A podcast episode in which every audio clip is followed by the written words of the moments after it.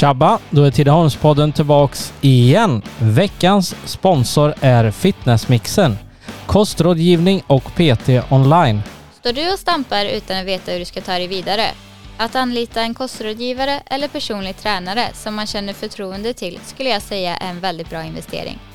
Oavsett om du vill gå upp eller ner i vikt, hitta en balanserad vardag eller fokusera på att förse din kropp med de bästa förutsättningarna du kan. Hälsa kan se ut på många olika sätt, men hur man än vänder och vrider på det så har vi bara en kropp och den måste vi ta hand om. Jag kan hjälpa till att hitta en vardag och en balans som fungerar för dig. En bra grund att stå på och utgå från. Hälsa som kommer inifrån och ut. Låter detta som något för dig? Tveka inte att skicka ett mejl till jessica.evelina.hotmail.com eller besöka Fitnessmixen på Instagram för mer information. Så, då var Tidaholmspodden tillbaks igen och dagens gäst i soffan är eh, Anders Hultgren.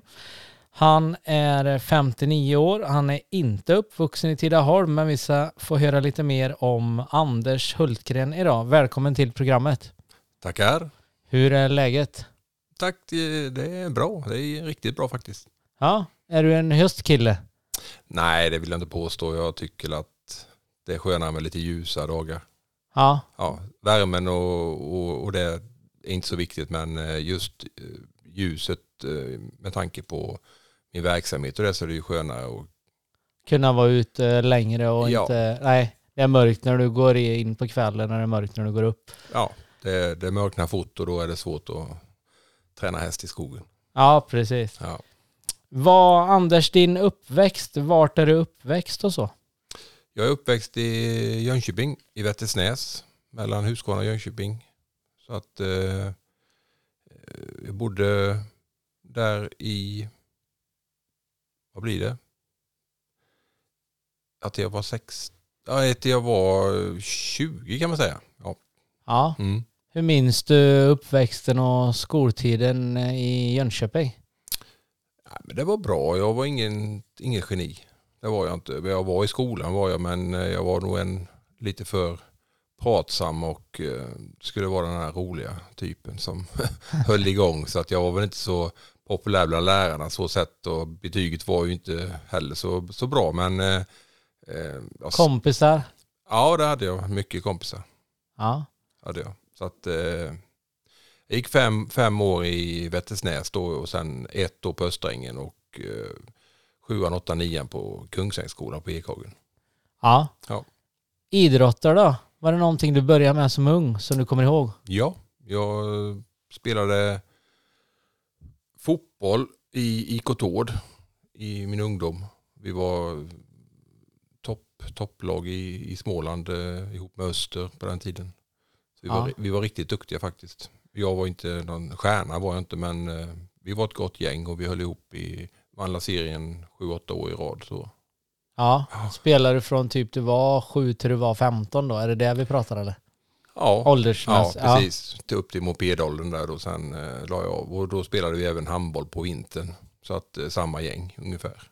Ja. Och då hette det Tårdsödra på den tiden. Då, så att, eh, jag spelade ett, en säsong i Isödra också, gjorde jag som pojke. Men eh, Tård var mitt, eh, ja, där, där hade jag det bästa om man säger.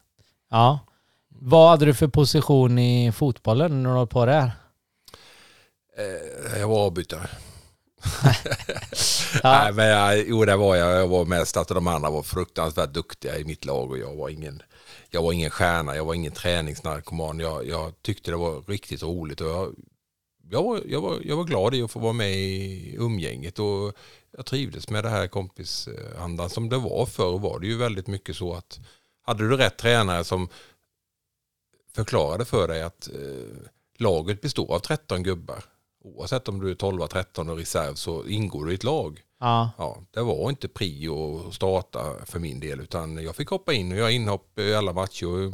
Ibland spelade jag från start och jag var nöjd. Ja. Ja, jag insåg att jag, jag sprang inte mest på träningarna. Jag gjorde inte det bästa utan Nej, men det kan ju ändå, så kan det ändå vara. Jag tror att det var bättre, nu är det vad jag tror, men jag tror det var bättre för än att prioritera och hårdsatsa på lagen om vi pratar 7, 8, 9-åringar, att det ska toppas hitan och ditan.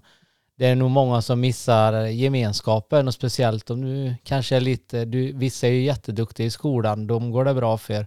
Men de andra som håller på med sport, då vill det till att få vara med i dina sporter även om du inte är bäst. Och det är klart som du säger, om laget består av 14-15 mannatrupper sen när du blir lite äldre, det spelar ingen roll, men ändå att alla får vara med liksom. Mm. Ja, ja, det är viktigt. Det är det. Och det, det, det, det ligger ett stort ansvar på, på tränarna i de lägena att eh, verkligen förankra att eh, även om du är bäst så är du inte, alltså, du kan inte träna själv och hålla på, du måste ha de här medspelarna. Och då är ju även de som är på bänken viktiga. Ja. Att, eh, De här åren nu, om vi tar sjuan, åttan, nian här nu Anders, hade du några extrajobb eller några sommarjobb eller jobbade du något extra för att dra in lite cash? Nej, jag var ingen, jag jobbade inte, jag hade rätt så eh, bra ändå. Eh, ja. Alltså i, i min ålder då, när man var i den åldern så föräldrarna jobbar ju, pappa jobbade, mamma var hemma. Så okej. jag, jag hade en trygg uppväxt. Ja, Så att, eh, och eh, ja, jag ska inte säga att jag fick allt jag pekade på, det fick jag inte, men jag fick, ja, ja, hade du moppe? ja det hade jag, många mopeder. Vad minns du din första, vad det var? Det var en eh, Husqvarna Novelett tror jag. Trimmare? Ja, det gjorde jag. Ja. Ja. Har du åkt fast någon gång på moppen då? Jajamensan. Ja, okej då. Var det böter på den tiden eller vad hände då? Eh, det var nog, nej de åkte med hem och pratade lite med föräldrarna och så var det nö- nöjt så. Jag klarade mig rätt så bra faktiskt. Ja. Ja. Vad, om vi tar eh, gymnasiet Anders, eh, när du går i nian där sista året, hur går eh, tankarna? Vad är det du vill bli när du blir stor? Eller i alla fall gymnasiet då, och välja. Jag hade inget, alltså jag hade inte någon, någon dröm egentligen om vad jag ville bli. Eh, pappa var ju eh, chef på ABV på den tiden, dagens NCC då, på asfaltsidan av vägbyggena. Så att eh, det var väl där det låg då, men eh, annars hade jag inte några större drömmar så. Jag hade verkligen, jag hade så dåliga betyg så jag hade ju inte något val heller. Eh, där jag kom in på, den enda linjen jag kom in på det var tryckmedia på den Ja, tiden. okej, ja.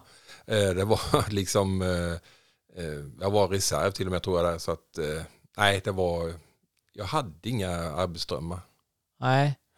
Vad, hur, hur tänker du där då när du ska gå ur eh, nian och ändå välja till gymnasiet? Eller hur, hur går tankarna? Eller vad gör du? Vad händer efter? Jag vet inte, jag kommer inte ihåg egentligen vad jag, jag valde väl eh, någon anläggningslinje tror jag och något sånt där. Men alltså, jag var ju rätt så klar med att jag inte kommer komma in någonstans där. Så jag, min, min, min eh, inställning var ju att börja jobba. Ja, Ja, för att eh, då på min tid då, fanns det ju obegränsat med jobb så sätt så att det var ju inte så att man blev stående och fick gå till a-kassan eller. Arbetsförmedling. Nej, Nej, arbetsförmedling utan man, eh, nej, man, man, fick jobb om man ville jobba. Ja, Så att eh, det var väl så jag såg det mer och jag gjorde ju det, jag flyttade utomlands där och så att vad, hur kommer du på idén att flytta utomlands? Ja, det var väl egentligen så att min far då eh, jobba, bodde i Saudiarabien då och jobbade där. Och eh, vi åkte ner och hälsade på. Eller jag åkte ner och min mamma åkte ner. Eh, Efter många om och men fick hon komma in i landet och eh, jag blev kvar där nere så jag stannade där nere och började jobba på ABV. Var kvar där i fyra och ett halvt år blev det. Ja, Så hur är det? Är du 16 eller 17 här nu när du flyttar utomlands då? Eller ner till farsan? 16. 16. Ja. Det är klart att han är ju på plats, men hur är Alltså hur är Saudiarabien när du kommer dit? För det, nu är det ju länge sedan. Mm. Alltså det är jättetufft. Det är det. Ja. det, det, är, det är, där får man verkligen ta seden dit du kommer. Det är ju ingen, du kommer, för det första kommer du inte in om du inte har arbetstillstånd i Nej. landet. Och som kvinna är du ju ändå mer eh, utanför. Så att eh, du får ju, det är väldigt jobb att få ner eh, mamma då och hälsa på pappa om man säger. Så hon var ju nere några månader där och sen åkte hon ju hem och jag blev kvar helt enkelt. Jag tyckte väl att det var spännande. Vad för Så- typ av jobb är det du börjar på där nere då? Jag började som asfaltsläggare. Och det fanns hur mycket som helst att göra Ja, då. där var det. Vi var ju nere för att eh, bygga vägar där i öknen. Ja, Problemet var ju att det var ju så fruktansvärt varmt och eh, ja, man, eh, jag tror vi räknade ut att man drack någonstans mellan 15 och 21 liter vatten om dagen. Och jävlar. Ja, Ja, så vi hade stora tunnor på asfaltläggarna då och sen du åt nävar med salt för att eh, du svettade så då. ja, Vi hade liksom 60 grader i, i skuggan och fukt, luftfuktighet på 90, kanske 95 så att eh, det var ett tufft jobb. det var jättetufft var det. Det var många som kom ner och fick vända och åka hem rätt så fort för att de klarade inte av det helt enkelt. Var det svenskar som jobbade på detta företaget eller fanns det även saudier själva som jobbade också? Det, saudierna jobbade inte. Nej. Nej, de hade gott ställt. Så de, utan vad vi hade med oss som, vi kallades, det var ju labours då som det heter då, arbetare som från Jemen, Somalia, eh, ja, länder runt omkring då. Fast, Ah. fast muslimer då som eh, sökte arbete i Saudi. Så man åkte ner på socken som det hette, arbetssocken och valde ut då på morgonen då hur många man vill ha till att skyffla, hur många man vill ha till att sopa och sådär. Och så tog man till sig dem då. Och så åkte man och gjorde de här jobben. En del hade man ju som anställda och men det, Ah. ja. Så att svenskarna var ju mer, vi var ju, vi var ju mer som minichefer kan man ju säga. Då, Ja, som, jo men ja, för- lite ja, ansvarig i alla fall. exakt. Så att eh, nej, man, man fick lära sig och, och eh, leva i deras kultur och man fick liksom eh, anpassa sig. Det, var inte, det gick inte att sitta där nere och skrika att du ville ha något annat eller du ville göra det eller det för då vände de på dig, satte dig på ett flygplan och så fick du åka hem. Ja. Och hade du tur så kom du till Sverige, annars kom du till ett annat land för de sket ju i vilket plan de satte det på. Så att eh, det var regler att följa och det var, ja, det var tufft. Vad, vad, minns du, vad minns du som bäst eh, de här fyra åren när du var där nere då? Var det mm, umgänget, den lilla fritiden du kunde ha med din pappa ändå i, eller så? Eller skaffade du vänner och knöt lite kontakter där? Eller är det jobb det gäller när Anders är på plats liksom? Det är jobb och sova och äta. Det, det är jobb som, som gäller. Och eh, du jobbar ju till, ja, i stort sett hela tiden. Du har ledigt halva torsdagen och fredagen som var helgdagar då. Va? Och eh, då åkte man ofta ut till beachen då i Röda havet och så var man där. Men alltså, man ska veta det att Saudiarabien är ju inte det att du går ut och festar, och det finns ju inte. Nej. Nej, utan det, det fanns i Jeddah jag bodde, där fanns det ett tivoli och där var för killar en kväll, kvinna en kväll och familjer en kväll. Så att det var ju inte så att du kunde gå ut och se om du kunde skaffa en tjej eller hänga på det. Nej. Det, det var ju liksom att bara glömma. Så att eh, nej, det, det, det var, man, man umgicks med sina jobbarkompisar och i mitt fall var det ju gubbar då på den tiden, för jag var ju yngst. Ja. Ja, och pappa var ju inte ofta, han var ju väldigt sällan hemma. Han var ju mycket ute i, i, i världen och eh, tittade på andra arbeten. Och, så att, eh, ja visst, vi umgicks ju självklart men eh, väldigt lite. Ja. Man fick, Känner på denna tiden och eh, när du är där borta, då är det ju, vi kan glömma internet, det är ju inget stort liksom. Vad, hur var kontakten med, med hemma, eh, de som var kvar i Sverige då, som hade gamla kompisar eller någon släkt eller så? Var det någonting, kom de över på besök, någon släkting eller något, eller det fanns inte eller? nej, nej, Nej. Det, det fick ju inte komma in så att det var ju bara att glömma. Så att eh, man skrev brev, vanliga hedliga brev. Ja. Och så ibland då ringde man men det var ju så fruktansvärt dyrt och på telefon så att det blev brev. Och då tog det några veckor innan man fick det liksom, om man hade tur. Ja. Ja. Men om du skulle beskriva för dem eh, som lyssnar nu då, om du skulle ge det bästa med de här, eh, vad sa du, det blev fyra år där borta? Ja, fyra och ett halvt. Ja. Det bästa med att vara där borta då och det sämsta?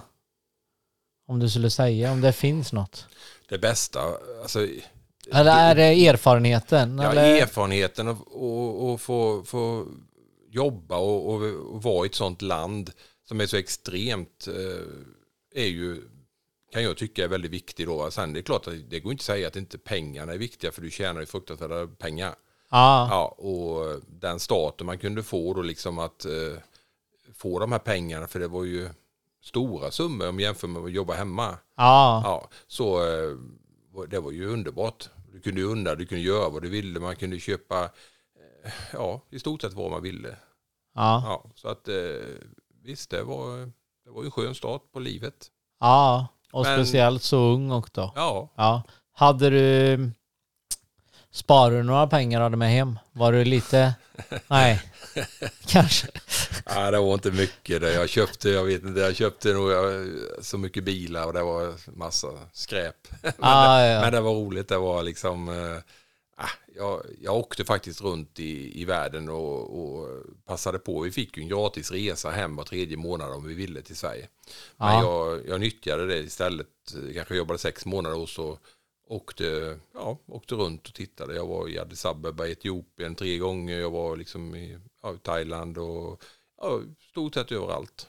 Men, Vad är denna, är det det de kallar semester då? Att du jobb, eller vad sa du, jobba sex ledig en månad? Ja, man, kan, man, man, man fick åka hem var tredje månad kan man säga. Men jag, jag, jag passade på att kanske jobba dubbelt och så åka lite längre istället. Ja. Var, borta lite längre då. Så att, Drog du själv på de här resorna Anders eller fick du med dig någon? Ja, vi, ofta var vi någon till.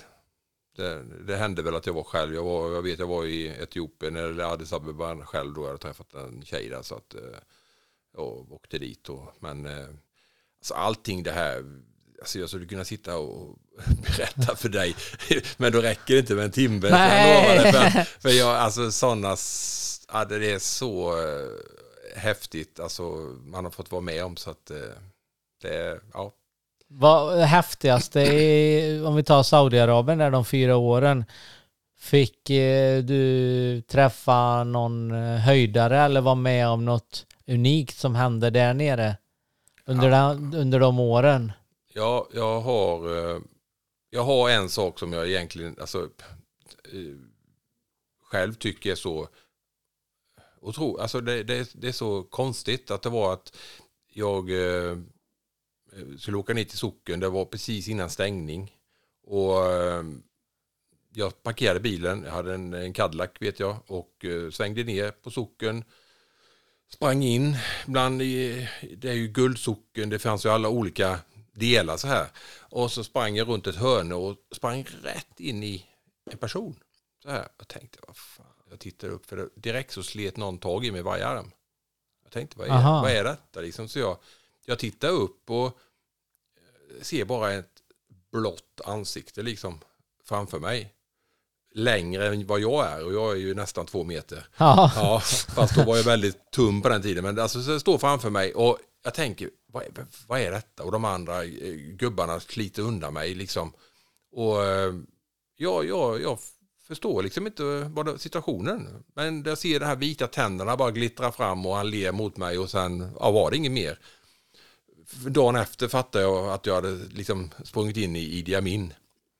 Som var i fri, alltså han, hade Han var- han flydde ju till Saudiarabien för att han, han eh, var ju jagad i Uganda på den tiden. Oj. Ja. Ja, för folkmord där och eh, eh, han fick ju ett palats och grejer där då. Och en frizon helt enkelt. Ja. Ja. Så att, eh, men jag var ju så ung så jag fattade ju inte. Nej. För mig var det ju ingen big, eh, stor Nej, sak. nej, nej. Men, Men nu i efterhand. ja, så tänker man att fan det, det mm, ja, det var ju inte en duvunge precis. Nej, absolut inte. Men ändå en upplevelse som, ja, Ja, ja. som du minns. Ja, ja, Ja. ja. ja. Och sen alltså spritleveranser. Sprit var ju strängt förbjuden i Saudiarabien men vi hade ju hembränt och det var ju liksom eh, jag vet jag åkte genom Medina en gång med bilen fullpackad i bak med väskor för vi skulle upp till, till Medina och lägga, bygga en idrottsanläggning. Eh, Asfaltera löparbanor där. Och eh, jag visste inte ens att jag åkte med spritflaskor i bagagen. Du vet, det var ju sån här, varje gång jag hämtade folk vid, vid flygplatsen så plockade de ur bilen och liksom tömde på saker och ting och jag klarade de två första gångerna. Tre, tredje gången så hade jag lagt av väskorna där uppe på kampen och då stannade de mig och så rev de ut säten och alltihopa. Och liksom, så, alltså då fick jag veta sen att jag hade haft Tur. sprit i bilen då. Jaha. Och uppdagas det så är det ju liksom, har du tur och slipper undan fängelse så, så är det ju utvisning. Du åker ut direkt. Ja. Det är ingen pardon utan det är första planet. Sen om det går till, till Afrika eller till USA, det skiter de i. Ja. Mm. Det är säkert så än idag kan uh, tänka sig. eller? Ja, ja, det är det. Det har De- nog inte ändrats. Nej, nej, de är stenhårda när det gäller sånt. Så att, Ja, vi behöver ha lite sånt i Sverige och jag skulle precis Ja, säga det. ja. det. Det skulle nog inte skada i Sverige heller. nej, Det, istället. Ja, men eh, vi kör en första paus Anders innan vi lyssnar vidare på ditt spännande liv.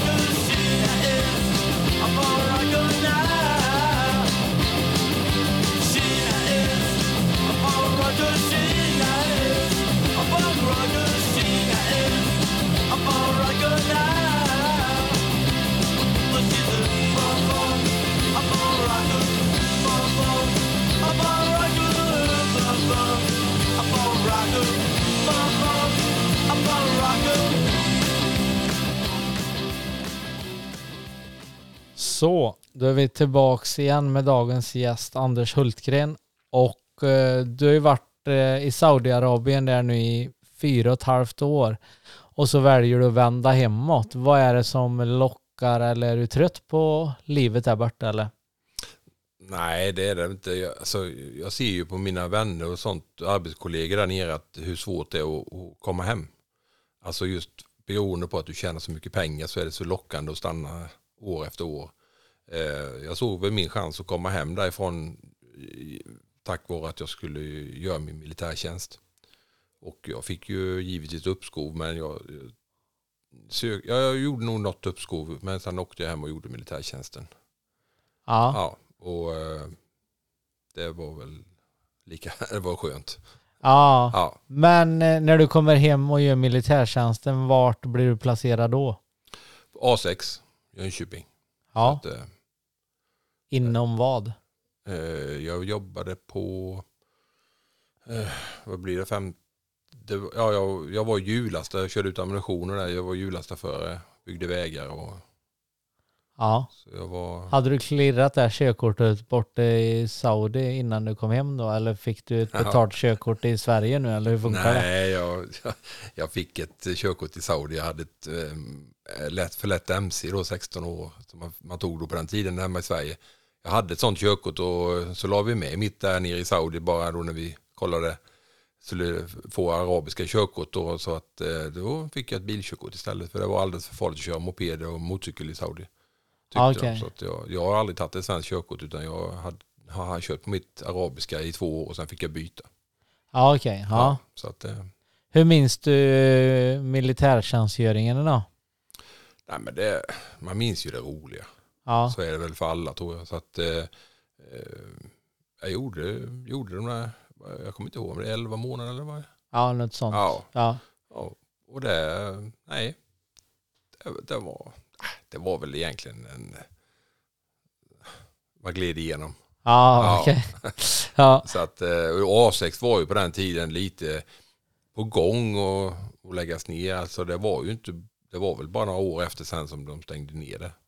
Ja, okej. Så Ja. att, eh, nej men det, jag tyckte det var nyttigt. Det var, det var, jag, det, jag, sakn, eller jag tycker det är fel att de har tagit bort militärtjänstgöring i Sverige. ja, för Ja. att folk ska lära sig lite i alla fall hur de beter sig. Ja, man ska, man ska lära sig respektera gamla människor och folk och även sådana som, som bestämmer. Man ska, man ska ha respekt. Ja, Det är viktigt och det tappar ju ungdomarna idag. Du ja, ska kunna ta hand om dina egna saker. Du ska liksom se till så att det är bäddat och det här. Och det, det är så, det är så enkla grejer. Men, ja, ja, men, ja. det, men det, finns inte, det finns inte idag va? Och då, då, det här ger ju bakslag på så mycket annat. Där man inte ens kan ta av sig kepsen vid matbordet eller bädda sin säng. nej, Så att, eh, jag tycker det är synd att det är borta. ja. Ja, jag tror det var en bra uppfostran. Ja, absolut.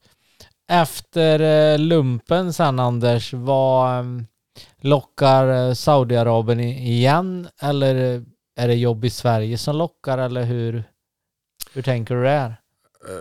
Tanken var väl, fanns väl att åka tillbaka men samtidigt så man hade ju tappat mycket kompisar på de åren. Det var ju en viktig ålder där med, med mycket vänner och sånt så det är klart att man hade ju kärnkompisarna kvar men man tappade ju mycket annat det här med festandet och ja, um, alltså umgås med likasinnade. Ja, Jag hade bara umgås med äldre nu där nere och det är klart att det är inte likadant som att umgås med samma. nej Så absolut. att, så att eh, jag, jag började faktiskt jobba på, på eh, ABV då, eller som det hette då, NCC i Värnamo. Ja, Gjorde jag första året efter lumpen och eh, sen ringde de och frågade om jag ville, då var dels någon som hade jobbat i Saudi också som frågade om jag ville börja jobba på Bjursells i Tidaholm, asfalt i Tidaholm då så att eh, eh, jag tackade ja. Vi var fem killar, vi åkte från pendlade mellan Jönköping och Tidaholm varje dag. varje dag. Ja, Ja, och eh, jag hade nog aldrig hittat Tidaholm om inte det hade varit för att jag jobbade, kom- fick jobbet här uppe hur minns du första gången du kommer till Tidaholm och jobbar här? Hur, du, hur ni blev mottagna eller jag antar att ni var ute någon gång och käkade och, eller och staden i sig. Hur tyckte du? Var det en liten håla eller var Nej, absolut inte. Jag, jag stortrivdes. Jag tyckte att det var en eh, otroligt, eh, stad, eh, otroligt eh, underbar stad och bemötandet var fantastiskt. Eh, vi eh, som asfaltsläggare här på den tiden var, alltså alla pratade och var glada och det var liksom familjärt och trevligt. Så Ja, att eh, jag har bara positivt att säga. ja. Ja, och det kanske är därför jag sitter här idag. Ja, precis. Vad, men eh, då pendlar ni. Hur länge orkar du hålla på och pendla? Jag, jag minns inte exakt, men jag tror att jag pendlade något år kanske. Ja, Och sen på den tiden så var det ju Bates som gällde. ja, Bates, Sunset Disco, ja och allt detta. Och man började stanna kvar lite så här på kvällarna och ta någon öl och sådär. Och sen, eh, sen sprang jag på, på Eva då så att eh, då blev det ju så att man blev eh, ja, kär och stannade kvar i, i, i Tidaholm. ja. Så att eh, sen, och, ja, på den vägen är det ju. Ja. Ja. Hur många år eh, jobbar du som asfaltsläggare? Eh, jag jobbade väl 15 säsonger ungefär. Men sen, sen började det locka lite att bli eget, egen företagare då så att eh, vi hoppade av, jag och en, en till som heter Gösta och eh, startade, eller ja, vi jobbade via min pappa då också så att vi hade Hultgrens förvaltnings AB. Ja, Köpte upp fastigheter, renoverade lägenheter. Vi hade, alltså mest hade vi nog, var väl ett tiotal anställda. är det bara Tidaholm eller andra städer också du pratar om då? Nej, Tidaholm, Madängsholm, Jönköping hade vi fastigheter. Ja. Så att, eh, Var du som vaktmästare då eller var du den som hade hand om att Ja, vad sen säga, ordna hyresgäster eller butiker eller vad, vad hade du för uppdrag? nej, jag hade allt. Jag, jag var ju med och snickrade och så, men jag hade ju liksom ansvaret var ju att vara arbetsledare eller se till så att eh, det fungerade. Ja, Så att, eh, att, de- att de som var hos mig anställda jobbade. Och liksom min far skötte ekonomin och den biten och ja, kontorsbiten då om man säger. ja, Så jag var på fältet och ja, jag lärde mig då successivt att, att snickra och renovera och hade väldigt bra folk runt omkring mig. Så att eh, vi började köpa upp hus i stan och eh, göra lägenheter. Det var ju väldigt populärt då. Vilket år är vi på ungefär nu då? Ja, kan vi vara? Det måste vara början på 90 va? Ja, Jag är jätte... men nej men det är klart om du är 20 när du kommer hem från Saudi och gör eh, lumpen Ja, och så ett år till 21 och sen 15 år på det, då är du Ja, men jag- 36. ja, jag var inte, nej jag var inte 15 år, alltså det är ju med Saudi också då så att eh, du får ju, jag fick ju lokal vid, fasen var 21 var jag då. Vad, vilka ställen var det ni köpte upp i Tidaholm där då i början på 90-talet? Minns du några speciella ställen eller? Ja, dels eh, Fyranhuset då. Ja. Som vi, som vi eh, köpte upp. Eh, det var ju en blå bandslokal på den tiden och eh, när vi köpte det så var det något som hette Generalens blandning tror jag det hette. Som någon aktion, någon aktion eller någon, ja, typ, inte loppis var det inte direkt utan det var mer antikvitetshandlare som höll till där. Ja, Och det var ju ett gammal fastighet som vi såg lite potential i och tänkte att vi skulle göra ett litet köpcentra i Tidaholm. ja, Så vi, vi köpte det och vi, ja, vi la åtskilliga miljoner på den fastigheten kan jag säga. Eh, renoverade upp alltihopa och eh, ja, gjorde lite mini-köpcenter då med, hade lite klädaffärer, databutik, leksaksaffär, eh, mataffär. Det var, vi hade sju butiker tror jag som mest och ett gym, eh, gym då i, i källaren också, det first class gym då som på den tiden var det ju inte mycket gym så utan det var ju också rätt så nytt. ja, Så att eh, tyvärr så kom ju detta i den tiden när krisen började komma där. ja, Mitten på 90 och eh, finanskrisen. Så att eh, vi trodde ju på allt vi gjorde så vi la ju alltid i ett och samma bolag och där, där fick vi ju äta upp sen efter många år då att eh, vi skulle nog lagt Fyranhuset separat och eh, haft de andra fastigheterna på ett annat bolag. För det, det, det, det tog, eh, affärerna kunde inte vara kvar och det blev, det blev, det blev tufft. ja. Ja. Vad, hur var intresset här då när ni smäller upp eh, sju butiker i gamla Fyranhuset då?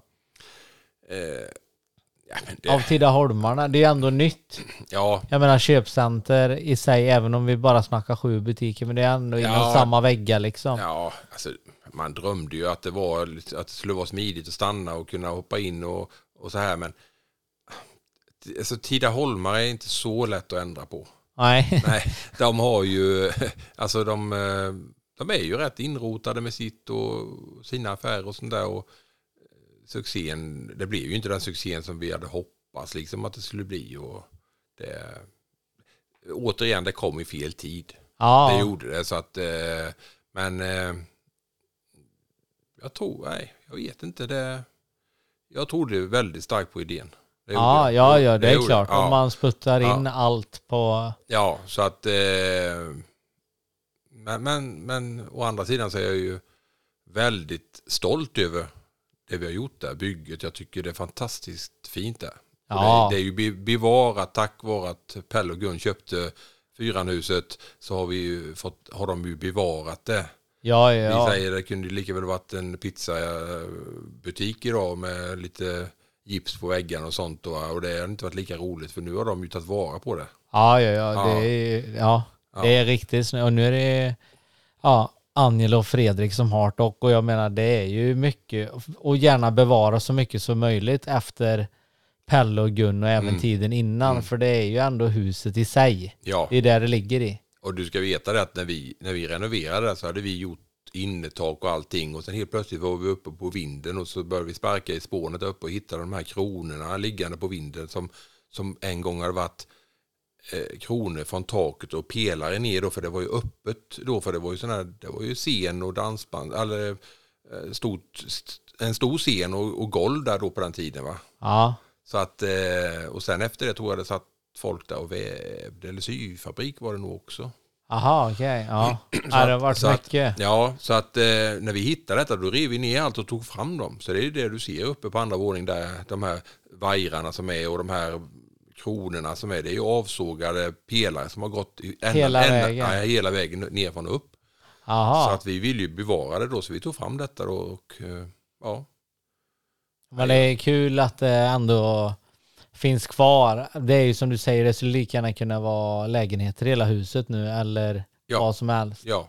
Och då är det ingen som skulle bry sig som, eller men liksom. Nej, och det är ju två lägenheter har ju alltid funnits där och det fanns ju även när vi renoverade och behöll dem. Ja, Så de har ju funnits och eh, men sen är det klart att man kunde kanske tänkt på ah, gjort det, gammalaktigt eh, och behållit det men vi vill ju satsa på att göra det lite modernt affärsmässigt då med stora, Ja. stora fönster och sånt och ja, det, det, men går man in där så ser man ju att det, det är ju otroligt smakfullt. Ja, det är det. Ja, och de har ju gjort ett, eh, de håller ju det fantastiskt fint. Ja, Ja, det är, det är, jag förstår, jag kan nog räkna ut och de som lyssnar och hur mycket jobb det ligger bakom och även nu som de lägger ner för att hålla det fräscht och det ska renoveras och det ska målas.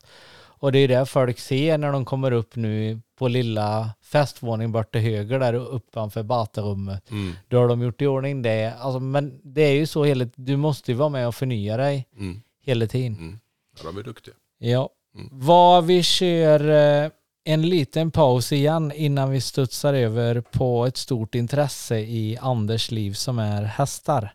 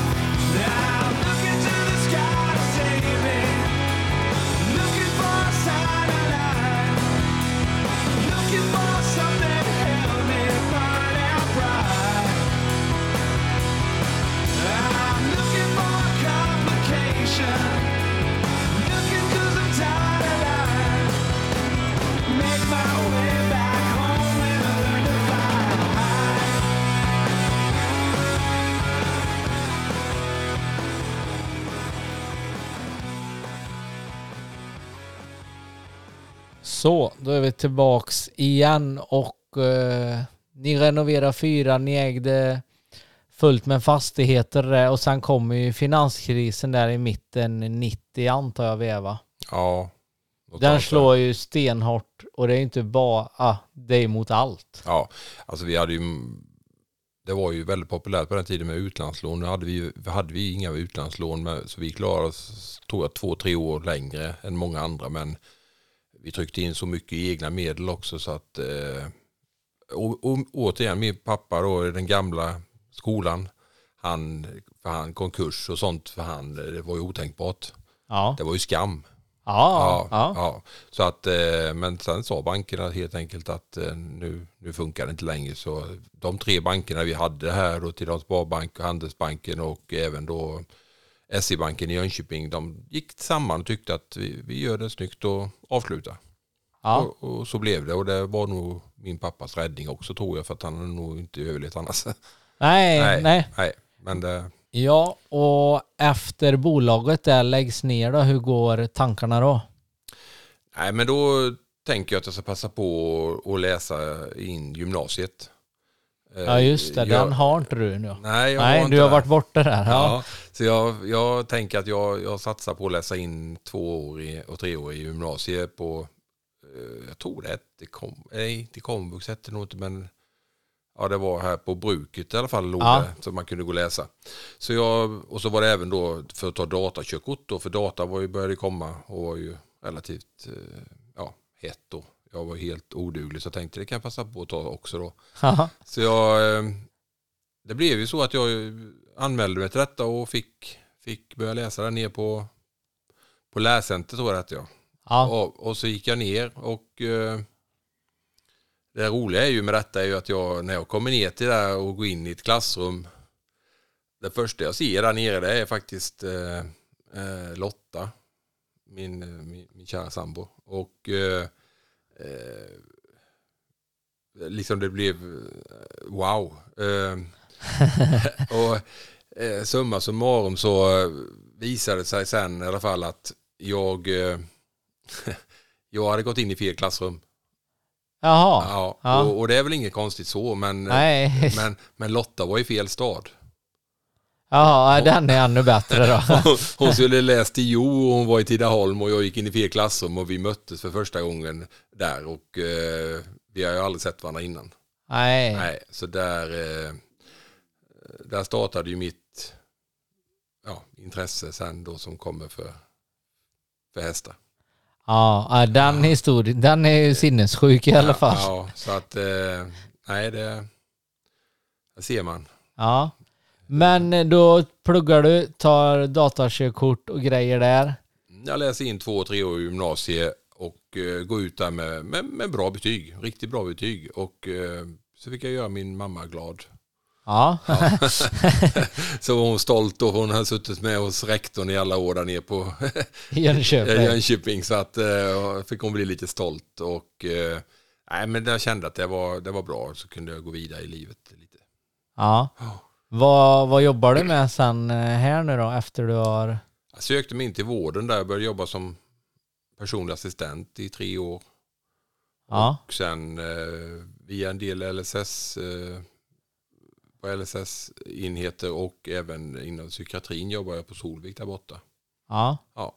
Hur trivdes du här nu då? Det är stor skillnad. Anders är först i Saudiarabien, lägger asfalt, sen kommer han hem till Sverige i lumpen, sen fortsätter han att lägga asfalt och sen är det lite fastigheter och nu är det helt plötsligt vården. För alla som lyssnar nu så är det rätt stora skillnader på jobb. Ja, det är det. Det är det. Som, som jag, jag, jag har sagt till så många att jag, jag tycker ju om att jobba med människor. Så att eh, det var rätt naturligt eh, att, att fortsätta denna, på den vägen och jag trivdes väldigt bra. Ja, Och, och, och gör än idag faktiskt. Så att jag menar det, nej jag, jag ångrar inte, ingenting på det utan det var, det, det, det, det flöt på bra. ja. Ehm, intresset för hästar kommer i samband med att du träffar Lotta gissar jag där. Eller du säger? Ja, jag har alltid haft intresset. Jag har alltid, min syster red och eh, jag eh, fick sköta ibland så här. Men att därifrån att ha en egen häst, det fanns inte för att jag tror på att när det gäller hästar framför allt så tror jag det är väldigt viktigt att familjen är engagerad. I alla fall i mitt fall jag och Lotta, att båda tycker om samma intresse, eller har samma intresse. För eh, det tar sån tid. Ja, Ja, så att, eh, men det blev så i alla fall. Jag träffade Lotta, hon in, eh, visade mig för eh, Kent hette han på den tiden som lärde mig allting. Jag köpte min första travhäst och eh, ja, började träna och hålla på ja. varje dag.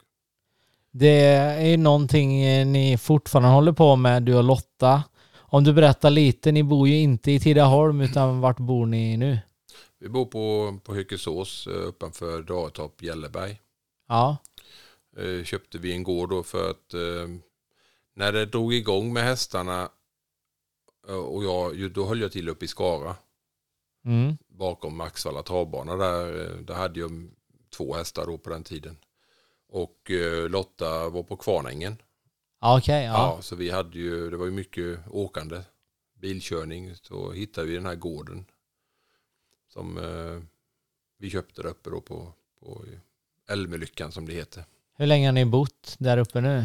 Eh, det är 20 år. Ja. Ja. Hur eh, många hästar har ni igång nu? Idag har vi Cirka. cirka, jag tror, även det är nio hästar. Ja. Vi har aldrig haft så lite. Hur många har ni haft som mest? Vi har alltid legat på 25. Ja, okej. Ja. Har det med, med tanke på som har varit de sista två åren i Sverige, corona, är det någonting som jag spelar in i din värld? ja, lite grann gör det det. Travet har ju, har ju levt och hållit på som, som vanligt även under pandemin. Ja. Har det ju, så att, eh, fast utan publik och utan eh, folk på stallbacken. Ja. hästägare och vice versa. Men jag började faktiskt, vi började faktiskt dra ner lite innan. Vi hade, vi hade, vi hade sånt problem med, med vattnet, kom vi på efter många, ja säkert ett års tid. Så att eh, vi hade börjat att och liksom trappa ner innan där. Vi tappade ju en del hästägare givetvis för har du inga resultat så, så är det ju ingen som vill ha hästen hos dig. Nej. Du är ju färskvara. Du, Ja. För en som ligger och betalar på en häst som, som du har i träning vill ju att det ska bli några resultat. Ja. Så att eh, då flyttar man ju dem till en annan tränare istället. För här, här i travet råder ju djungelns lag. Liksom där är det så att jag kan ju få in en, två hästar i, i morgon och eh, eh, nästa ve- veckan därpå om inte jag eh, kommer överens med ägarna eller det, det händer något med hästen så kan de bara hämta dem, flytta dem. Det skrivs aldrig några kontrakt? Nej, inte, normalt sett aldrig. Nej. Utan det är obestämd tid Ja. eller vad du presterar eller vad ni Ja. levererar. Det är inte ens uppsägning. I en del har vet jag att det finns, det finns undantag med någon månads uppsägning och sådär men i stort sett så det är ju ingen som vill ha en häst hos någon om du kommer till schism heller för att Nej. du, du är ju rädd om ditt, ditt, ditt, ditt, djur. Ja. Så att eh, då flyttar man det hellre då. Så att, Framgångar då Anders som eh, du och Lotta haft? Stora framgångar, vad är det du minns då? jag började ju som amatörtränare och eh, vi köpte mycket äldre hästar. Och vi fick in en del hästar, jag och Lotta, som hade slutat fungera för stortränarna, man säger på banan. Och på, på den tiden då när vi startade så var ju ridträning inte så stort. Det var Flemming Jensen i Danmark som introducerade det. Så att eh, vi började ridträna våra, de här gamla. Och eh, när vi ridtränade dem så tändes det nya eh, hopp i dem och de blir glada. Och uppe på skogarna i Hökensås var ju fantastiska mm, träningsmöjligheter. Ja. Så att, eh, och Lotta började då även rida monté. Och montén är ju då, kan jag ju förklara för lyssnarna då, att det är ju precis stort sett samma som travet. Du är bara att du tar bort vagnen och sätter det på ryggen. Det är samma regler, det är samma prispengar, det är allting är likadant. Så att eh, vi såg att det var väldigt lätta pengar att tjäna i montén och eh, vi låg ja, topp fem i Sverige då på, på, i, med montéhästar. Okej. T- Till och med kanske topp två ett tag när vi hade vår bästa häst då Red Hawk Tattoo då på den tiden. Så att eh, Är det det ni ger er ert namn lite? ja, När ni kommer upp på... Ja. Ja. det är det. Vi var med i Monté-eliten på Solvalla då under Elitloppshelgen eh, flera år och eh, första gången var ju med Red Hawk Tattoo där uppe. Han var, satte ju svenskt rekord där på, på sin andra eller tredje start i Montén tror jag det var. På Solvalla och det var ju bara att komma dit och på den tiden för oss var ju så stort så vi stod ju med som fågelungar där uppe på stallbacken och, och tittade. Så att eh, nej det var häftigt var det och eh, Lotta tillhörde ju och hon var jätteduktig så att hon, hon åkte ju land och rike runt för på den då var det inte så mycket monterlopp. Det kanske var ett i månaden, idag är det ju ett av varje dag. Ja, okej. Ja. Så att idag är det ju mer accepterat och större. Det var ju starten på montén i Sverige kan man säga. Vilket år är vi, eller typ? 25, 2005 ungefär. Ja, okej. Ja, men det är så pass nytt ändå då? Ja, Ja. så, så att det gick ju så pass bra så att vi startade ju även de här hästarna. Då kanske gjorde två starter i montén, tre starter och sen satte vi på vagnen bakom dem igen och då var de jättebra med vagn. Okej. Fick de tillbaka gnistan va. Så att eh, nej, det var, det var en bra kombo och det ser man idag att det är så. Det är ju, alla tränare gör ju likadant. Okej, Så ja. eh, ursäkta. ja. Eh, sen 2009 hade vi köpt in en häst som heter Langsess Palema av Karl-Erik Bender. Köpte vi honom för Åke Svanstedt ja, kom ingenstans med han. Så vi köpte han och det var jag och, Lotta och så Peder Johansson Eh, här i Tidaholm som var med och köpte in denna och eh, han blev så bra då så att vi startade han även i Sulky och han sprang ju in eh, cirka en miljon tror jag det var, 900 någonting. Eh, inte allt för oss men eh, då vann han ju, nu ska vi se, nej, Six, jo, han gick så bra så Karl-Erik ringde till oss och sa jag har Six, helbron till han, Sixten Palema också. Jaha, så jag, han skulle ha så mycket pengar för honom. Och så, nej, nej, nej, han är ju gammal, så det får du inte. Vi, vi gjorde en deal i alla fall, jag och Karl-Erik. Och eh, att han skulle få 40 000 plus hälften på insprungna på första fem loppen eller något sånt där. Ja. Ja. Vi åkte till Solvalla och han vann. Vi åkte runt och han vann tre stora lopp med 100 000 i första pris. och liksom eh, Karl-Erik han fick nog säkert 170 000 för den här hästen när man räknar ihop det. Jaha, okej. Ja, Ja, ja. Och, eh, eh, vi ställer upp oss på SM på, i Göteborg på Åby och eh, eh, vinner, vinner SM där nere med Sixten. Och eh, året efter så ställer vi upp med Langsess Palema Helbron. Och eh, vinner det året också. Så vi vann SM två år i rad faktiskt där.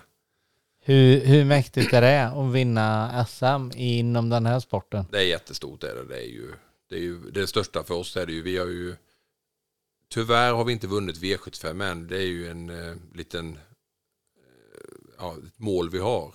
Ja, Vi har varit tvåa några gånger på V75 för det är ju elitserien och eh, men vi har inte vunnit än men vi, har sagt det. Vi, vi, man kämpar ju för att komma dit. ja, Ja, absolut. Ja. Och det är inte lätt att få, få de här V75 hästarna men eh, vi, vi har haft tur och haft flera stycken då men vi har inte vunnit ändå.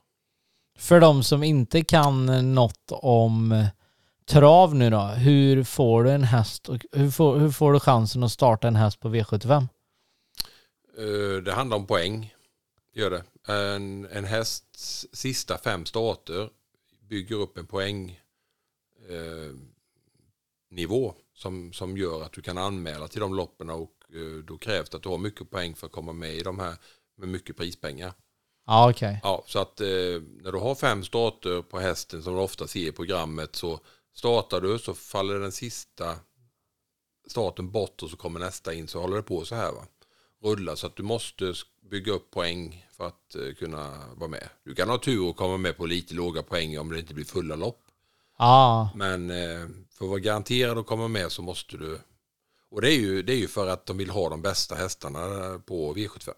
Ja absolut. Ja. Ja, för att det ska bli det är ungefär som då allsvenskan eller elitserien i hockey. Du vill ju ha de bästa lagen och då, då du kan, alltså de håller ju inte de här som kommer upp och inte har resurserna. Nej, men eh, då förstår jag att det är ett stort ändå sista målet här att försöka få med någon någon gång på V75. Ja, få med får vi, men eh, att vinna är ju... Och, eller vinna, jag menar ja, vinna. Ja, Ja. det är ju tufft alltså, men eh, någon gång ska vi göra det. Så är det ju. Ja, ja, ja. Ja. Vad um, tid, Anders då? Du jobbar heltid med något annat eller? Ute Nej, bredvid det- hästarna, eller hur funkar det? Nej, det gör jag inte för att, eh, som jag sa innan, jag började som amatörtränare och eh, fick ju läsa upp till proffstränare. Och som proffstränare så får du inte ha heltidsjobb vid sidan om. Nej, okej, nej. Utan jag jobbar 90 procent i Falköpings kommun idag inom LSS. Och eh, jag bytte från Tidaholm så var jag på KSS på Kava i några år, två år tror jag det var och sen därifrån till Falköping.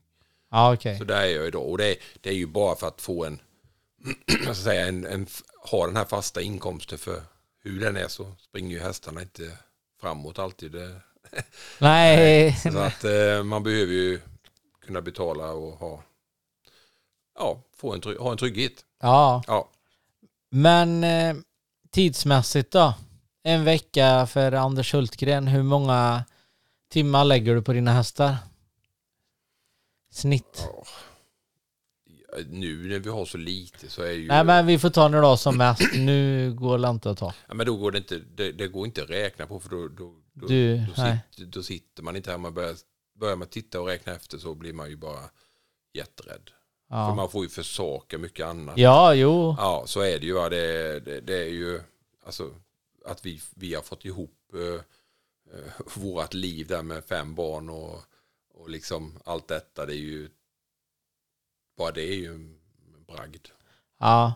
Men om vi tar en dag då, när du har lite mer än de hästar du har nu. När går du upp på morgonen? Vi brukar gå upp vid halv sju. Ja. När går du och lägger dig? Halv elva, elva kanske. Ja. Jag bor på lite det. Ja. Det är väl där vi, vi hamnar. Eh, alltså, sen får vi inte glömma att vi åker och tävlar väldigt mycket och eh, lastar vi ett par hästar på lastbilen och åker till Solvalla så är vi ju inte hemma förrän ja, mitt i natten. Nej. Men de, vi måste ju ändå upp på morgonen och fodra Ja. och släppa ut så att eh, det är ju ingen annan som gör så att eh, men i och med att vi är två stycken så när vi åker hem så någon kan ju sova i bak i lastbilen och sen byter vi om och så liksom rullar man på då för att hur den är vi åker till Solvalla, Jägersro, Gävle, Rättvik, alltså Romme, det är ju långa resor. Ja. Hur många tävlingar på ett år är ni iväg på då? I snitt? Jag vet inte exakt. Nu var det ju de sista åren, nu har vi inte tävlat så mycket tack vare att vi har haft problem med vattnet. Men eh, innan så kanske vi, jag tror vi säkert åkte väl en 5000 mil kanske. Ja, Hundra slängar. ja, Minst. minst. Men ni åker alltid hem? Ja, det Det är inte ofta ni tar över? Nej, det funkar inte då. Men Ja, ni det- behöver vara hemma. Ja, vi måste ju hem så att eh, vi har, någon gång har vi ju varit kvar. Men det då har vi haft någon som har tagit hästarna och åkt hem. Och så om det har varit typ Elitloppet eller något. Ja. Ja, lite större. Ja. Vad, ehm, har ni någon eh, dröm med verksamheten eller hur länge tror du ni kommer hålla på? Eller beror det på både hästarna och på dig och Lotta hur länge ni är pigga och fräscha? Jag tror att vi kommer ha hästar eh, länge. Ja, Eh, för att, eh, men vi kommer nog, vi kommer inte ha så mycket. Vi kommer ha så att det är rimligare. Vi har, vi har pratat om det i alla fall. Att vi, vi måste kunna underhålla och sköta gården. Och vi inte hunnit med. nej, Under, men vi har haft så mycket hästar. Så att eh, vi måste komma ifatt oss och samtidigt ha hellre ha kvalitet på de hästarna vi har än kvantitet då. Så att det äter upp hela tiden. Säg att två hästar presterar bra. Ja, de andra 15 gör inte det. Då ska du, de, alltså, du får ju aldrig något. Du bygger ju inte upp någon buffert på det sättet. Utan har du hellre då att tävla lite mindre. För att när du åker och tävlar så vet du att då har du, då är de i ordning. ja, Ja. precis, ja. Så att eh, det är väl lite däråt vi försöker komma. Så kanske hellre då ligga på mellan fem och tio hästar. ja. Ja. Om man tar eh, gemenskapen Anders som du har knutit kontakter med både Trav-Sverige och Monté-Sverige här nu då och även vänner i Tidaholm som har fått fram ett travintresse. Hur mycket har det gett dig och vänner över hela Sverige om vi ser så? ja men det är ju, det är ju fantastiskt. Alltså travfolket är ju helt otroligt. Det är ju, du kan ju liksom vara på en tävling och du har glömt hälften av utrustningen. Men du kan ju fråga den som står i boxen jämte och det är inga problem. Nej okej. Nej, det, det, är, alltså, det är en familj. I'll. I am explosive and volatile. I'm on the turn. It's time to squirm back into the wall. My cage spell is contents on the floor. My great concerns, I can't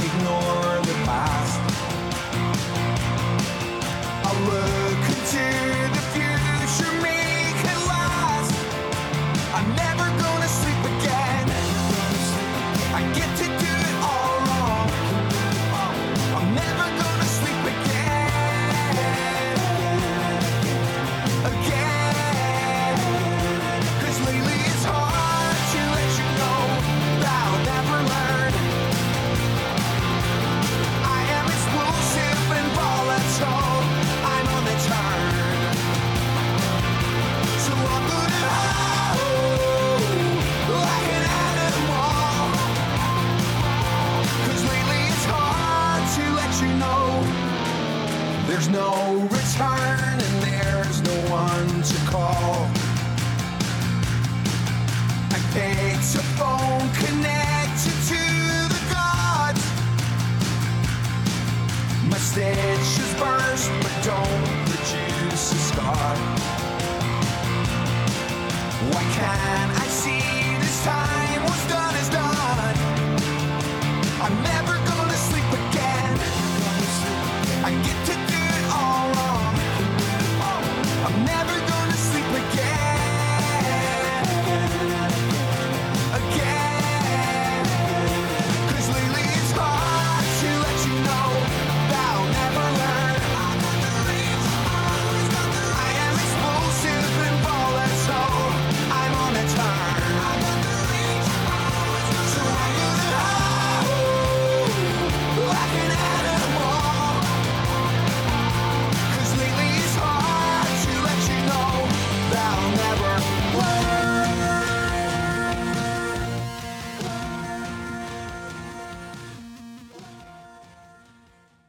startade ju med andelshästarna eh, på en liten fest, killfest uppe på Hökensås i Mästerby.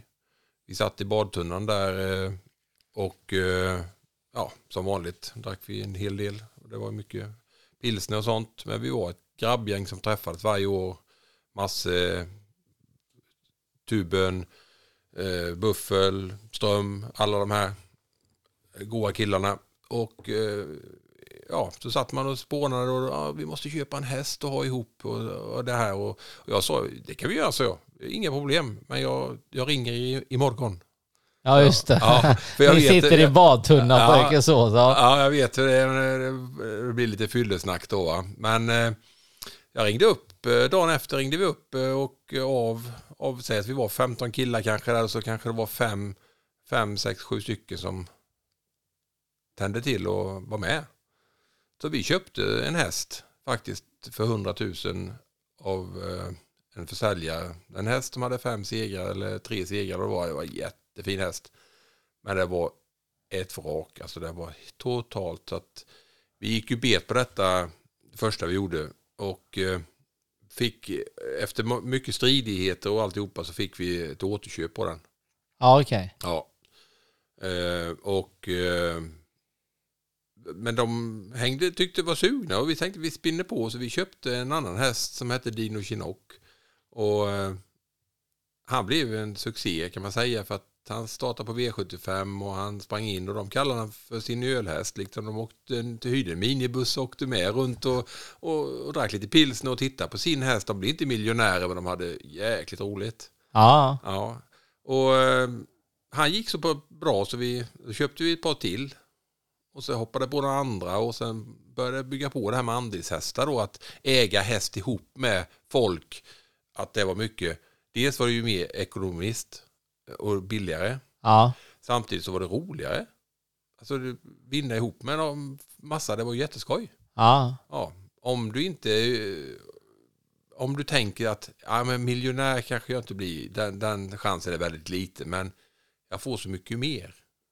Ja. Ja, och det, det, det tror jag många förstod, så att det bara exploderade med andelshästar. Vi hade hur mycket som helst.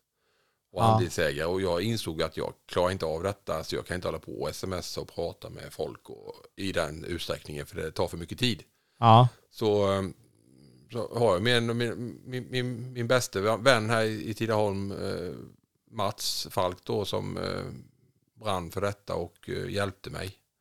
Och tog hand om detta och eh, sköt ju det helt fantastiskt och har ju idag då eh, sitt bolag då som sköter åt många stortränare. Okej. Ja. Ja, så att han, eh, Det är inte lite tid Mats lägger på detta. nej han är... Det är ruskigt. Ja, det är jättemycket. Och han, eh, som, återigen, han brinner ju för detta och han är otroligt duktig och eh, alltså den informationen hästägarna får, det fanns inte på kartan att få hos någon annan tränare. Nej, okej. Nej. Utan det var ju folk som sa att ja, men du skriver så mycket, du behöver inte skriva så Ja, men läs inte då som Mats bara, men jag, jag gör så här för att jag vill att ni ska veta vad som händer med er häst. Ja, okej. Ja, ja. ja. ja. Så att, och han ordnar med fester och det är grillparty. Vi har ju en stuga på stallbacken på Axvalla som vi bjuder in hästägare till. Och det är ju det här att äga häst, det ska vara roligt. Det ska vara en gemenskap. Och det blir det när han ordnar med grillfesterna. Hästägarna får komma in på stallbacken. Vi kan stå och köta. Olle Goop kommer, Björn Goop kommer, stora kuskar kommer. Och, och de får snacka med dem och så här va, och se att wow, där, och där kommer Örjan gående. Liksom. Ja. Ja, men det, det, det är stort det. Så folk som inte ens har haft intresse av hästar eller trav, köp en liten del och det kostar inte så mycket i månaden och så får med om detta. Alltså, de, de är fast. Är det både killar och tjejer som är andelsägare? Ja, det är det. Ja. Det är ingen speciell ålder heller, tänker jag. Eller det är blandat. Ja, det är ju givetvis så ska du ju tjäna dina egna pengar. Ja, jo, Ja, men jag men- menar nej, om det är en 25-årig kille eller tjej eller om det är en 55-60-årig. Det är blandat det är det och alla umgås precis som att eh, inte gör annat. Det, det spelar ingen roll om det är 25 eller om det är 65. Nej. Nej, för det, det, det förenar på något sätt. Va? Det, är- det, nej, det är häftigt. Ja. Hur stort är eh, storchampionatet för dig varje år om man bortser från eh, nu när det har varit pandemi. Det, Tycker du att det är ett stort happening? det är det största för, för, för oss. I och med att jag är Axevall-tränare så kan det inte bli större. Nej. Och de dagarna tre som vi har där uppe är ju fantastiska. Så du vet att då har vi alltså kanske ja, 100-150 hästägare som passerar våran stuga och, och bor där uppe och är, eh, kommer och vi grillar och vi bjuder på lite pilsner och vin. Och man pratar och man spelar andelar ihop och vi har storbilds-tv på husväggen utanför och festtält. Och, alltså det är, ja, det är magiskt. Ja. Är det. Där är drömmen att pricka in V75-vinsten den helgen. Ja. Ja. Alltså det är många som spelar in stora pengar där och det är jubel och det är skrik och man är lika glad för vem det än är som, Ja. som vinner. Va? Så att, eh, eh, men det är roligt och det är, nej, det, är- det är häftigt. Vad, vad är den största spelvinsten du har dragit in på trav? Själv eller tillsammans? Ja, det är inga större summor. Vi har ju ett bolag som vi kör, jag, som Mats håller i och eh, jag tror jag satte en rad en gång där på 100, typ knappt 150 000 och sånt där. Så det är, Nej. nej, jag, jag, är ingen, jag är ingen stortippare. Men är du, är du påläst?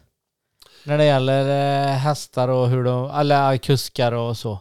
Ja, när jag tar ut de, de veckorna eller så, om inte jag har egna starthästar, för då får jag inte spela, men då tar jag ut och då, då är jag påläst. Då tittar jag och då läser jag igenom och, och ringer till kompisar och tränare som jag känner och frågar lite.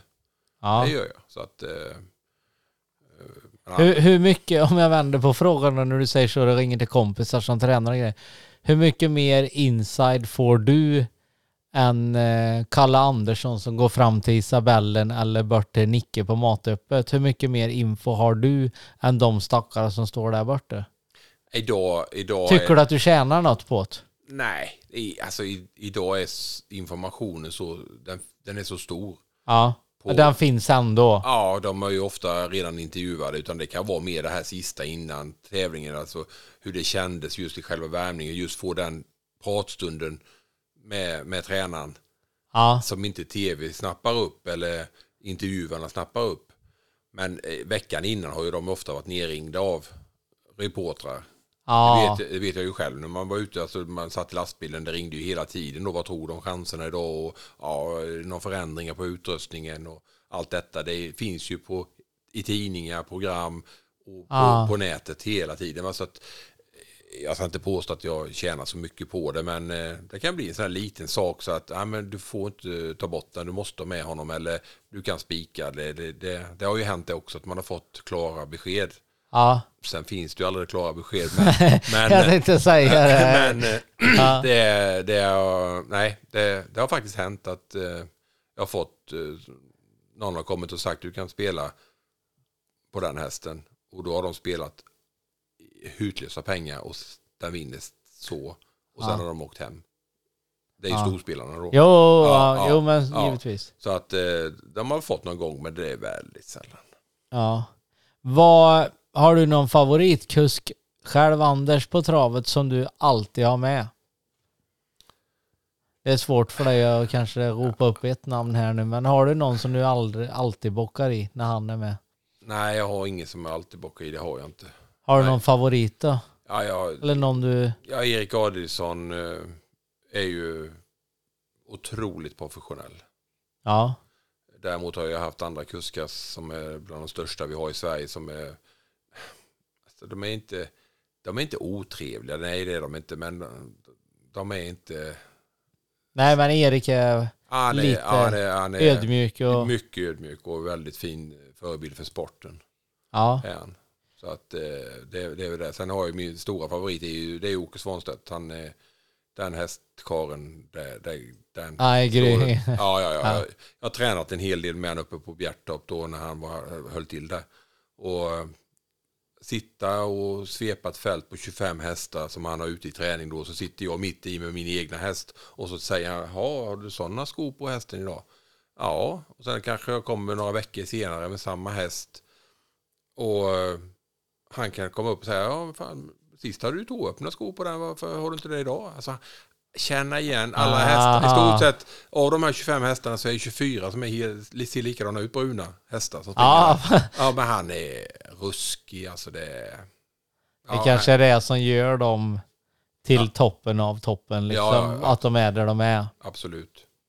Det är det. Ja, nej, han, eh, han har kört och han har vunnit några lopp åt mig och han är, han är, han är riktigt den största som jag tycker i alla fall. Ja. Ja. Vi hade ju gatutravet eh, för x antal år sedan i Tidaholm. Mm. Hur eh, var du engagerad själv i det eller var du och kolla eller hur stort tyckte du det var? Och den uppvisningen travet fick när det var här. Fantastiskt. Det är helt fantastiskt. Vi var ju med varje år. Ja, Ja, och eh, första året så körde ju faktiskt Åke, våran häst, ända till finalen. Och eh, då bytte han ju, så körde han ju Torvald Palema själv.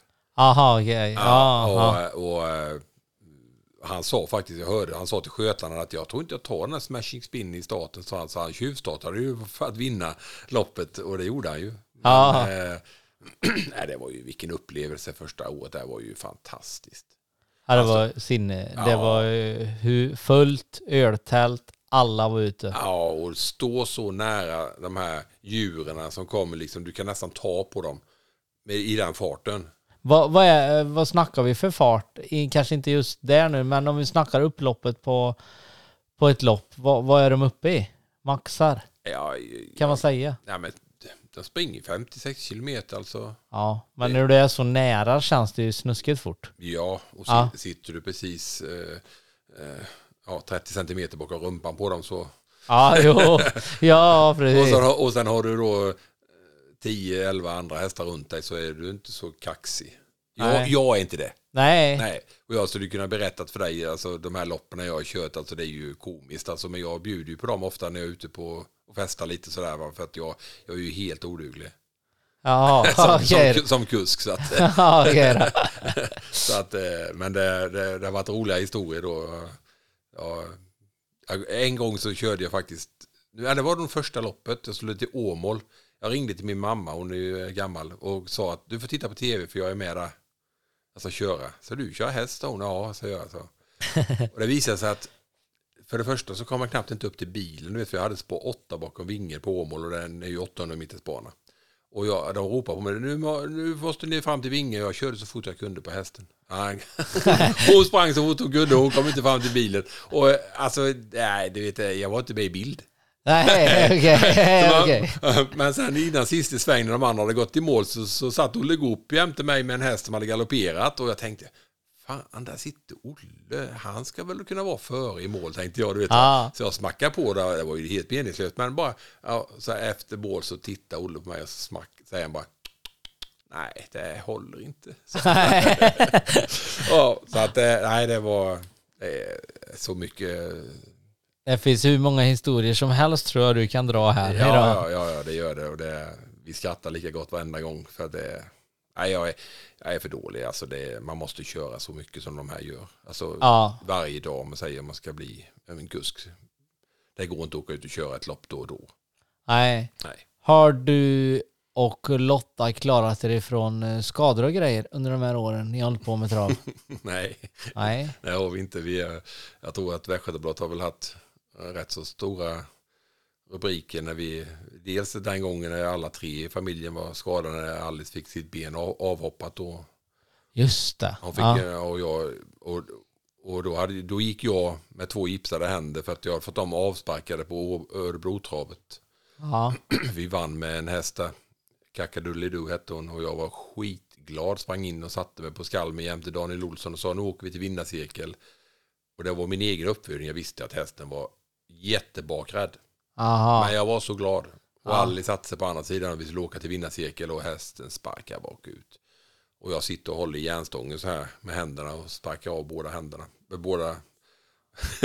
Ja, så jag gick ju helgipsad hemma.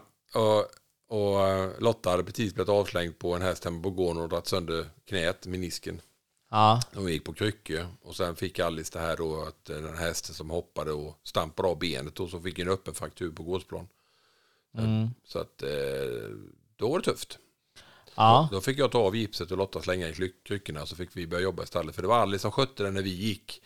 Och sen Ah, fick vi. Ah. Så, att, eh, så det är väl två gånger Alice har fått operera sig på grund av att hästar som har...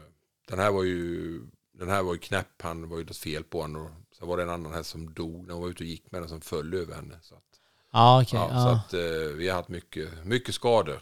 ja. Men på något sätt vet jag inte om hästfolk är eh, knäppa. Men eh, Ja, men det, de är säkert som alla andra sporter. Gillar du fotboll, gillar Ja. du golf, folk är tokiga i det och tennis i tennis. Ja, men man känner inte efter på det sättet. Samtidigt så kan du inte. Du kan, Nej, men du har ju inget val. nej, du kan inte hoppa över. Du måste sköta dina djur. Ja, De är ju viktiga. Det- ja, ja, en hockeyklubba eller fotboll går att lägga in i garderoben och Ja. ligga hemma framför tvn. Men gör du det så har inte du några djur kvar och Nej. inga rättigheter till att ha djur Nej, heller. nej. Med all rätt. va. Och det, det här är ju mina vänner så de ska ju ha sitt skötsel ändå. Ja. Så det är bara att bita ihop. Vad, innan vi kör fem snabba Anders tänkte jag avrunda bara. Hur, hur värdefull är familjen eh, för dig och Lotta här för att ni ska kunna få ihop allt och att eh, hur mycket betyder de för er? Ja, men familjen betyder ju allt för oss. Ja. Självklart. Det låter lite klyschigt kanske men så är det Nej men jag tänker, ni, du säger ju själv, ni är borta Ja. mycket. Det, alltså, Ja. lägg, ni lägger ju mycket tid på hästarna. Hästarna är er familj också. Ja, ja. Men sen har ni ju barn och alltihopa Ja. liksom. Men det, Men nu är, vi, nu är det ju nu är det ju jätteskönt om man säger. Nu har ju alla flyttat hemifrån. ja. Alla bor på sina håll och tjänar sina egna pengar. Så, så nu, nu är det faktiskt skönt. Nu kan man ju gå naken hemma i huset och, och du kan öppna kylskåpet och du vet att det, vad, vad det finns kvar och hur mycket mjölk Ja just det, om det är någonting Så- så- kvar. Ja, så att eh, det är ju fantastiskt. Va? Det är ju, Ja. nej, så att eh, lika roligt är det ju när de kommer hem. Och hälsa på. Ja, ja, ja. Det är Ja. Så att man saknar ju dem, men eh, är, de är viktiga. De är jätteviktiga. Ja. Ja. Vi kör en sista paus här innan vi kör fem snabba. Gå gärna in och följ Tidaholmspodden på Facebook och Instagram så kan ni läsa mer om kommande gäster, tävlingar plus mycket, mycket mera.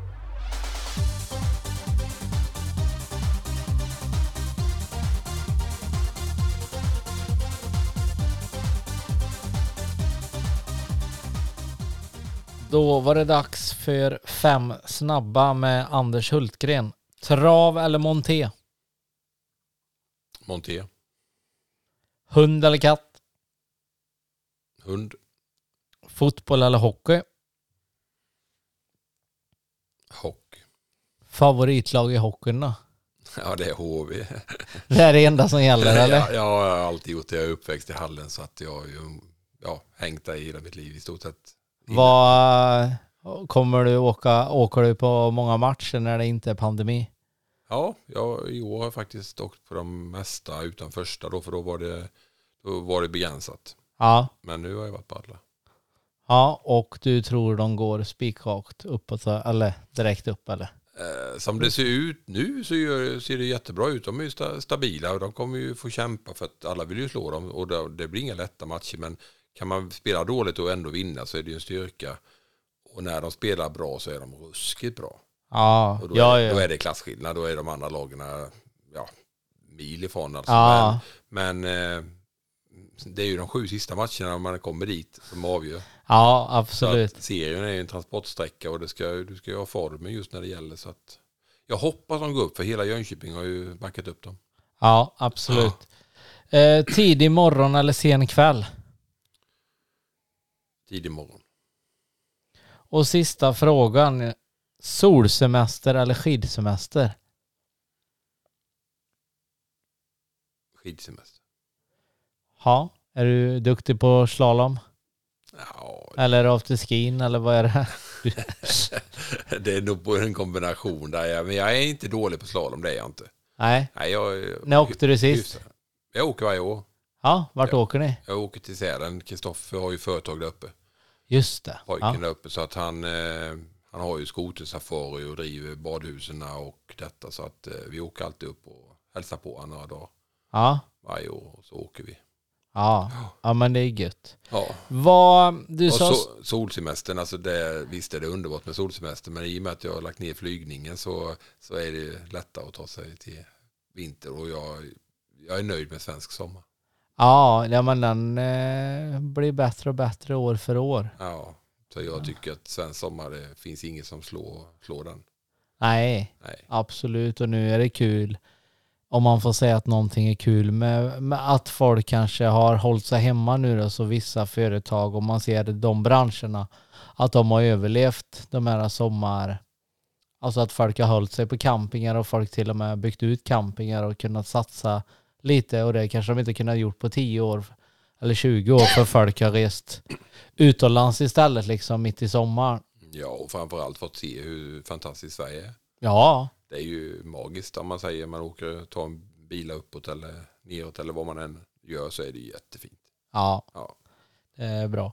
Vad vi ska ta och runda av nu, men du sa stort tack Anders för du ställde upp i podden och så syns ju vi.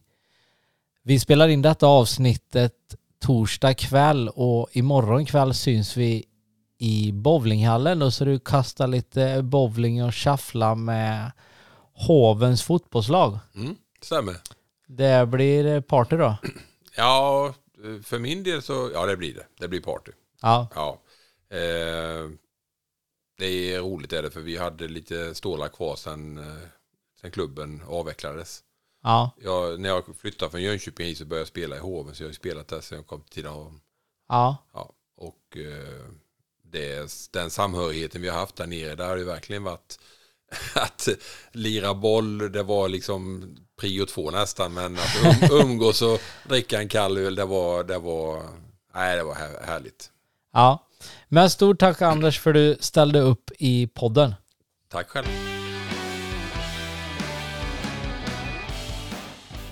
Det var allt för denna veckan och veckans sponsor är Fitnessmixen, kostrådgivning och PT online. Står du och stampar utan att veta hur du ska ta dig vidare? Att anlita en kostrådgivare eller personlig tränare som man känner förtroende till skulle jag säga är en väldigt bra investering. Oavsett om du vill gå upp eller ner i vikt, hitta en balanserad vardag eller fokusera på att förse din kropp med de bästa förutsättningarna du kan. Hälsa kan se ut på många olika sätt, men hur man än vänder och vrider på det så har vi bara en kropp och den måste vi ta hand om. Jag kan hjälpa till att hitta en vardag och en balans som fungerar för dig. En bra grund att stå på och utgå från. Hälsa som kommer inifrån och ut. Låter detta som något för dig? Tveka inte att skicka ett mejl till jessica.evelina.hotmail.com eller besöka Fitnessmixen på Instagram för mer information.